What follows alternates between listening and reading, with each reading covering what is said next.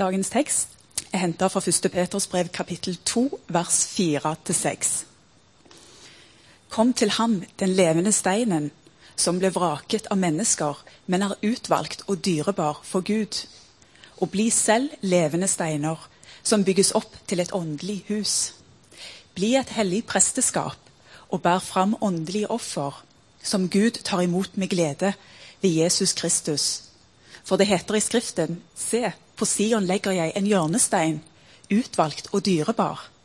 Den som tror på ham, skal ikke bli til skamme.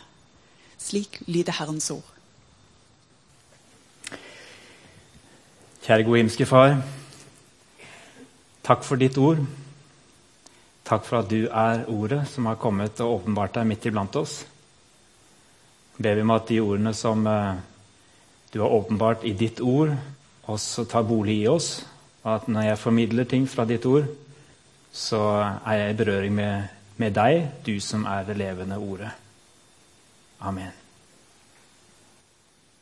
For nye lyttere så kan jeg fortelle at vi holder på med en miniserie om dette temaet som har med nådegaver og vår plass i Guds rike å gjøre.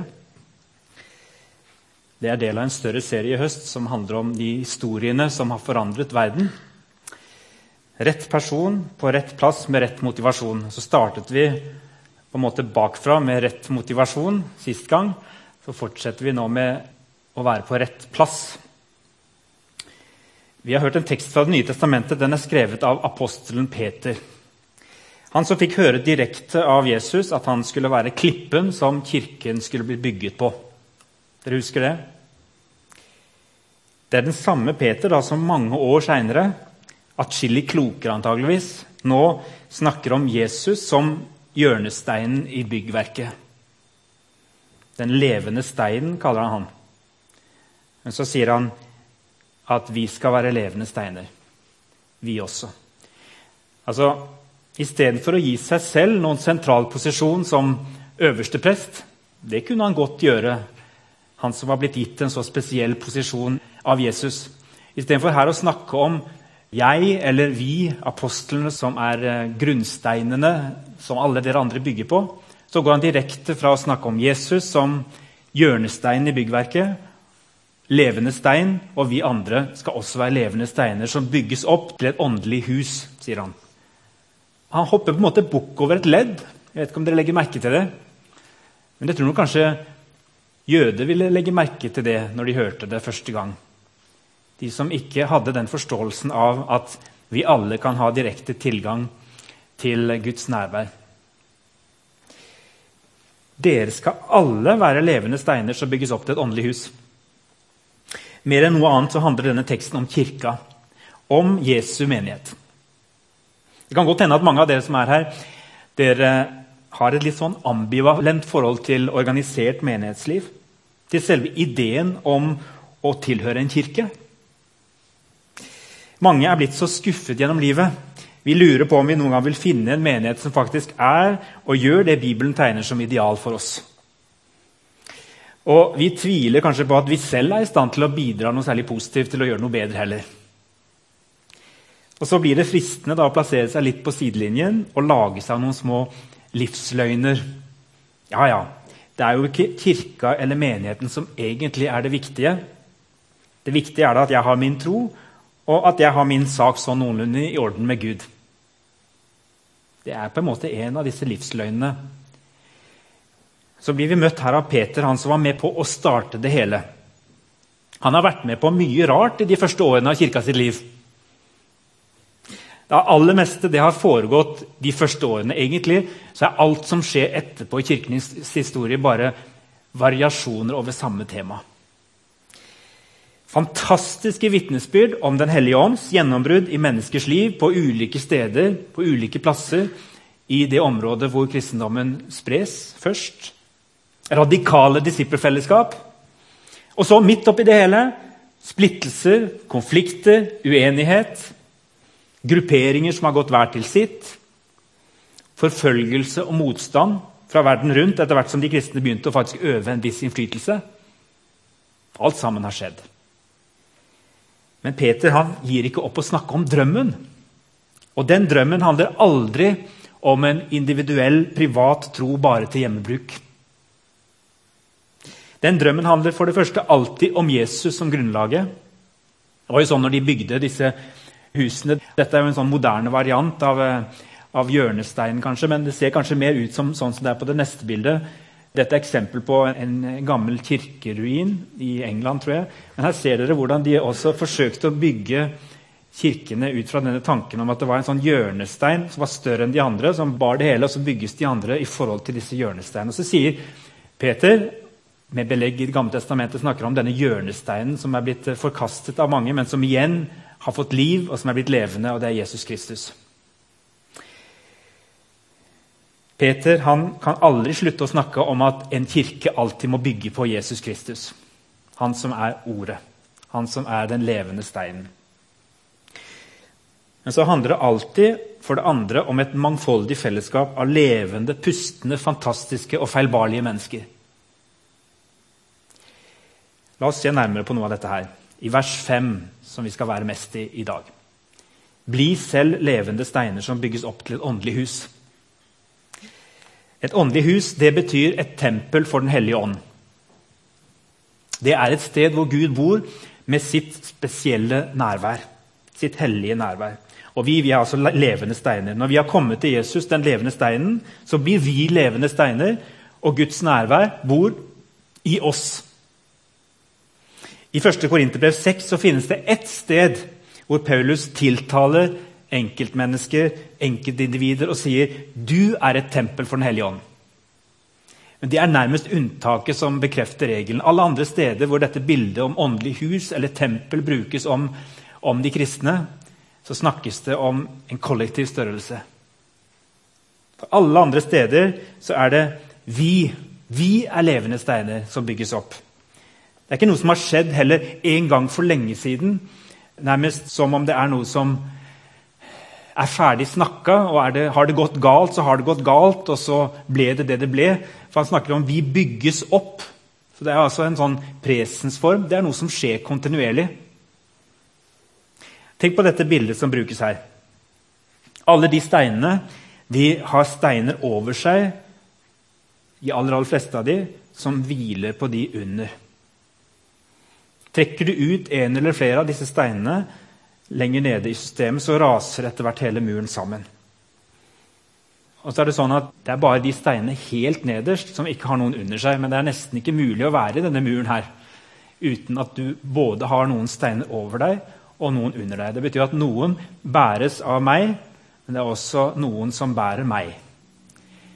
Jeg vet ikke om dere har vært med og spilt det spillet med disse her klossene som vi bygger opp til et tårn, og så begynner vi å trekke ut ett og ett så ser vi hvor lenge klarer vi å holde på og balansere dette systemet med masse hull i dette tårnet før det til slutt raser sammen. En ganske gøyal lek. Det er akkurat det samme når vi bygger Guds rike eller bygger det levende huset. Det er fryktelig lett å tenke sant, at ja, jeg er bare én av disse her små. Hvis min murstein er borte, så har ikke det så veldig mye å si. For det første så er det noen andre som er mye større i dette litt sånn sammensatte byggverket. Om bare jeg blir borte, så har ikke det så veldig mye å si. Men plukker du ut én, og så plukker du en til og en til, så står etter hvert hele byggverket i fare for å rase sammen. Det er dette bildet Peter bruker. Peter han sier at det er sånn menigheten av levende steiner fungerer. Og Det er altså svært mange mennesker som tenker annerledes om det å høre til en kirke. Kanskje fordi de aldri virkelig har smakt på denne avhengigheten til andre mennesker i et kristent fellesskap. Eller det er fordi de er så skuffet over dette dårlige byggverket at de finner det best å forlate det før det likevel raser sammen over hodene på dem. Altså Nærmest som en sånn Nå må vi bare redde oss selv. ikke sant? Nå er ikke temaet i dag å gå inn på alle årsakene til at folk forlater Kirken generelt, og den norske kirken som vi er en del av spesielt. Det kan vi snakke om en annen dag. Men her er jeg opptatt av forskjellen mellom det å tenke om det å tro som å være i et fellesskap, og det å tenke at det er noe jeg har, jeg og Gud alene, som en privat sak for meg. Da forholder jeg meg til Gud bare på det individuelle plan. Og Det er som å etterlate seg et hull og tenke at det får gå som det vil med de andre. For jeg er jo bare én liten murstein i byggverket, så det har vel ikke så mye å si. Men det gjør noe med Guds nærvær i verden. I en menighet så handler det altså om å være så bygget sammen med andre menneskers liv at hvis du slutter å komme, så vil bygningen begynne å kollapse. Og Det betyr at det rommet i verden hvor Gud, Den hellige ånd, har bestemt seg for å være til stede i vår verden på en helt spesiell måte, det rommet ramler sammen. Gjensidig avhengighet det betyr at vi deler på å ta avgjørelser. Vi deler våre private kamper. Vi deler følelser. Vi deler våre eiendeler. Vi bærer hverandres byrder. Vi deler hjemmene med hverandre. Vi gjør praktiske tjenester for hverandre.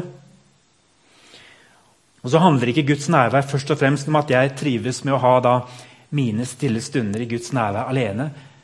Det handler det jo også om. Men det er bare en liten bit av det.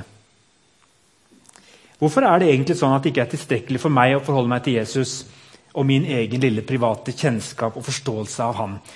En av eh, mine yndlingsforfattere, C.S. Lewis, han har skrevet en bok om dette som heter 'Fire kjærligheter'. Jeg har ikke lest boken sjøl, men Tim Keller refererer til den et sted. I et kapittel om vennskap så forteller Lewis at han var med i en sirkel av nære venner. Så døde en av dem, Charles. Da fant C.S. Lewis ut noe veldig interessant. Han kunne tenke seg at nå blir det mer plass til hele C.S. Lewis og hele Ronald, som en av de andre hette. Fordi Charles nå var borte. Det er greit. Nå er ikke Charles her, han tar så stor plass, og nå er det mer tid til oss. Nå kan vi dyrke vårt fellesskap, vi to. Men C.S. Lewis han oppdaga noe merkelig. Det var sider ved Ronald som bare Charles klarte å hente fram. Nå skal jeg aldri se Ronalds helt spesielle reaksjon på en vits som Charles kunne fortelle. skriver han. Og når Charles ikke lenger var der, så ble også noe av Ronald borte. Han hadde mindre også av Ronald nå. C.S. Lewis fant ut at det trengs mange mennesker for å forstå et menneske og for å lære et menneske å kjenne. Han poengterer jo det vi egentlig allerede vet. Det trengs en hel gruppe for å kjenne et enkeltindivid. Du kan ikke kjenne et enkeltmenneske på samme måte som en hel gruppe kan kjenne det mennesket. Gruppen den er i stand til å bringe fram flere aspekter av oss. Dette brukte selvfølgelig C.S. Lewis som et, et mektig bilde på Gud og fellesskapet. Du kan ikke kjenne Gud uten å leve i fellesskap. Du kan ikke kjenne Gud på egen hånd. Du vil bare kjenne en liten bit av Gud på egen hånd. Det blir en selvkomponert Gud, en Gud skapt i vårt eget hode, som på en måte er tilstrekkelig når jeg er alene med han. Det er ikke den Gud som Bibelen har åpenbart for oss. Det blir veldig fort en hjemmesnekra Gud. Gud er selv fellesskap. Han er treenig. Han er relasjon i sitt vesen. Og han lever i fellesskap med oss. Og så er det dette som kommer rett etterpå, i det samme verset.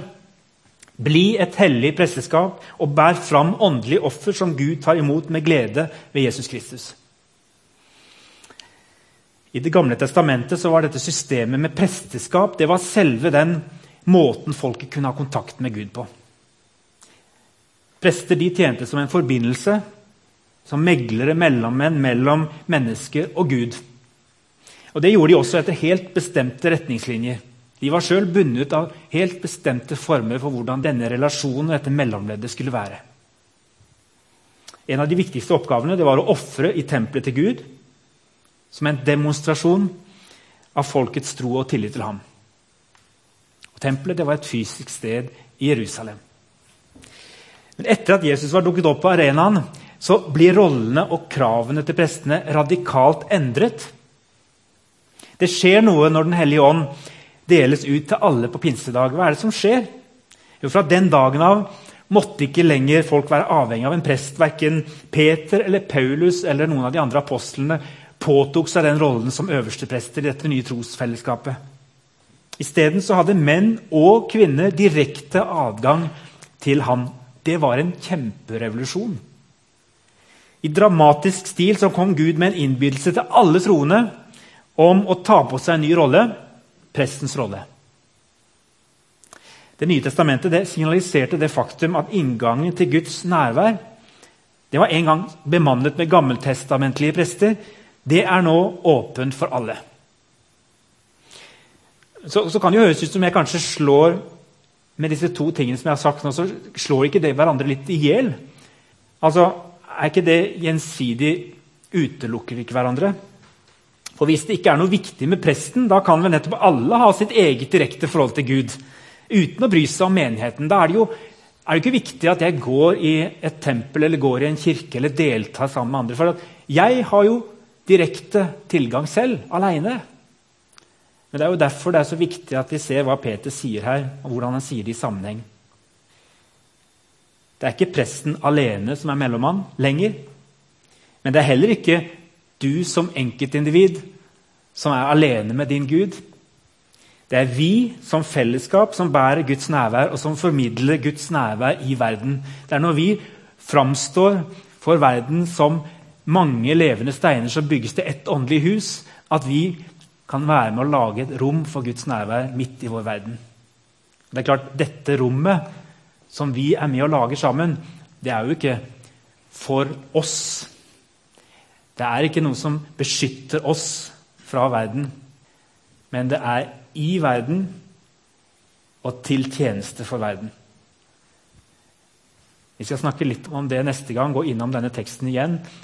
Om dette med relasjonen mellom menigheten og verden. Men jeg bare nevner det nå. Når vi snakker om dette byggverket som vi bygger opp sammen, så bygger vi faktisk et, et helt konkret rom i verden hvor Guds nærvær skal få lov til å strømme ut. Guds godhet og Guds kjærlighet. Og når det åndelige huset begynner å rakne og skjelve i sine grunnvoller og ikke finnes mer, ja, så må Gud finne på noe annet, kanskje. Men hans plan var at det skulle skje gjennom oss.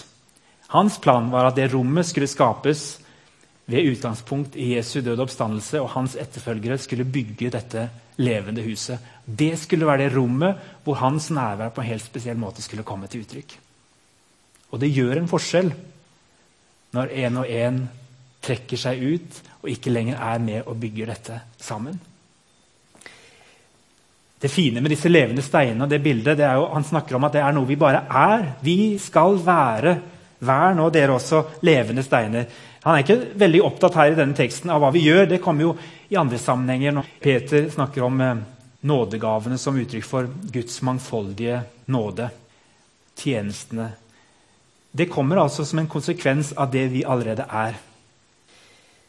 Mange mennesker er jo nå også i stand til å gjøre tjeneste for hverandre fordi de har en relasjon til hverandre.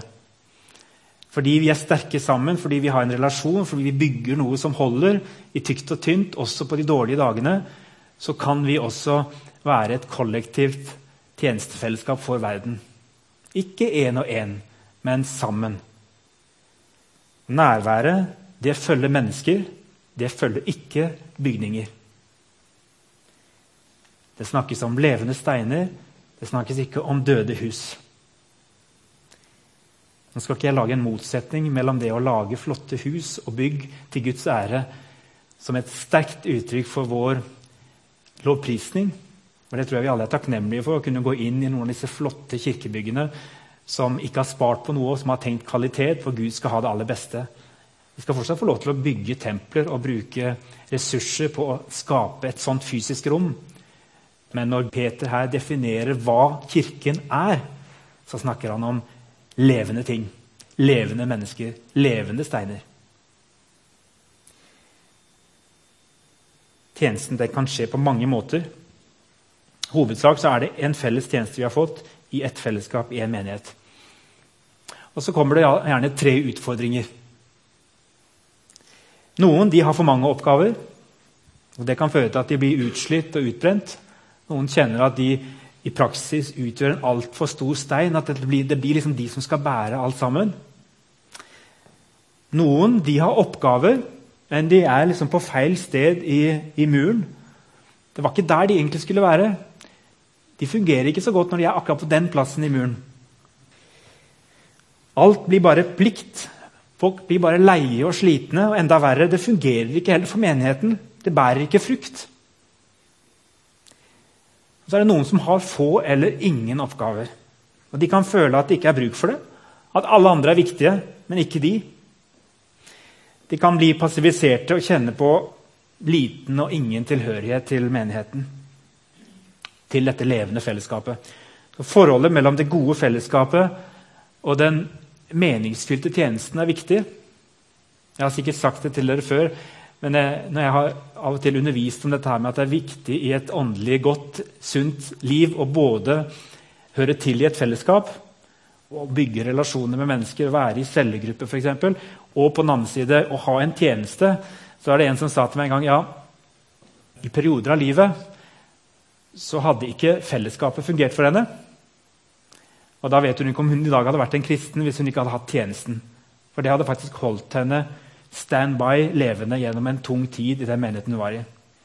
Og på samme måte så tror jeg noen av oss kan kjenne at I perioder av livet så orker vi ikke, kan vi ikke, er ikke i stand til å yte eller bidra med tjenester. Da er det fellesskapet som på en måte skal være der og bare holde det oppe.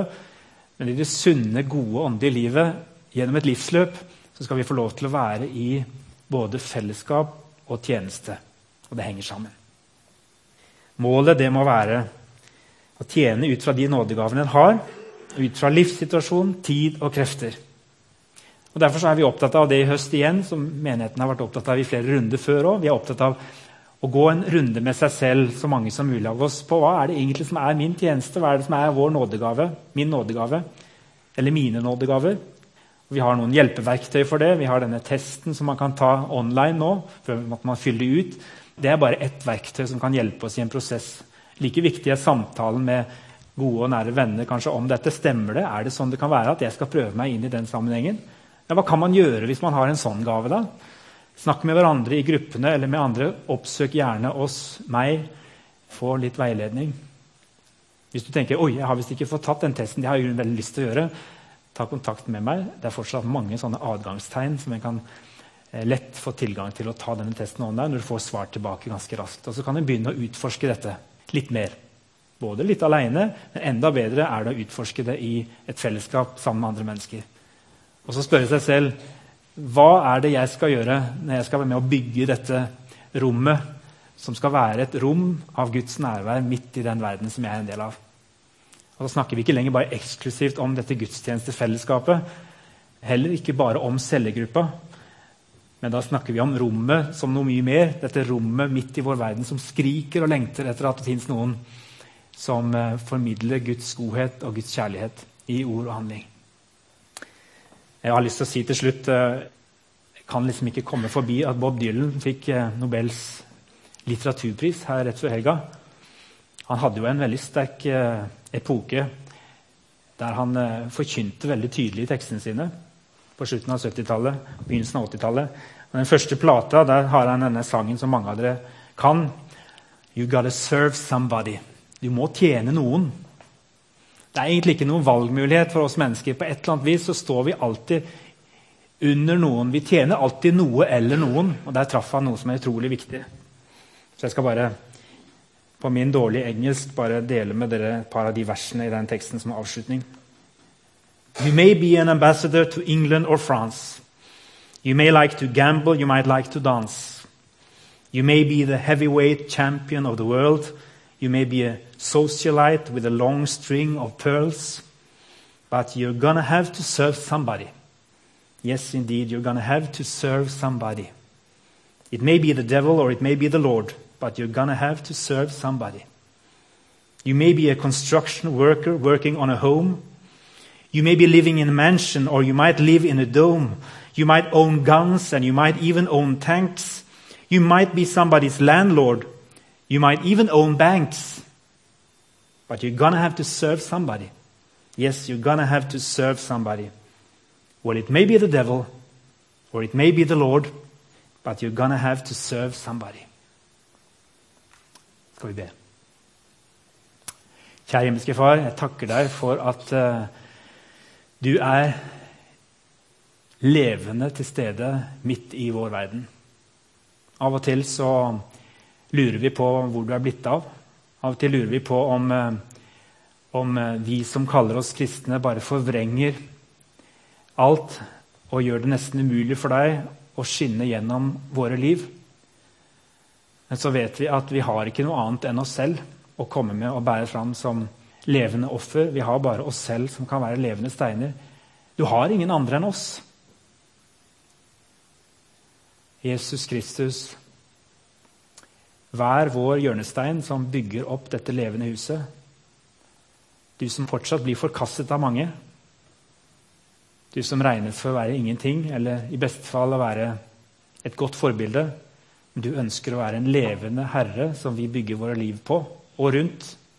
Hjelp oss til å finne vår plass i dette levende huset, dette levende tempelet, som bygger rom sånn at du kan berøre mennesker fortsatt i dag.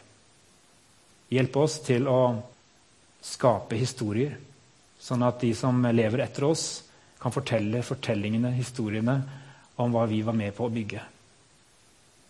Gi oss nåde og kraft til å være din kirke på jord. I Jesu navn.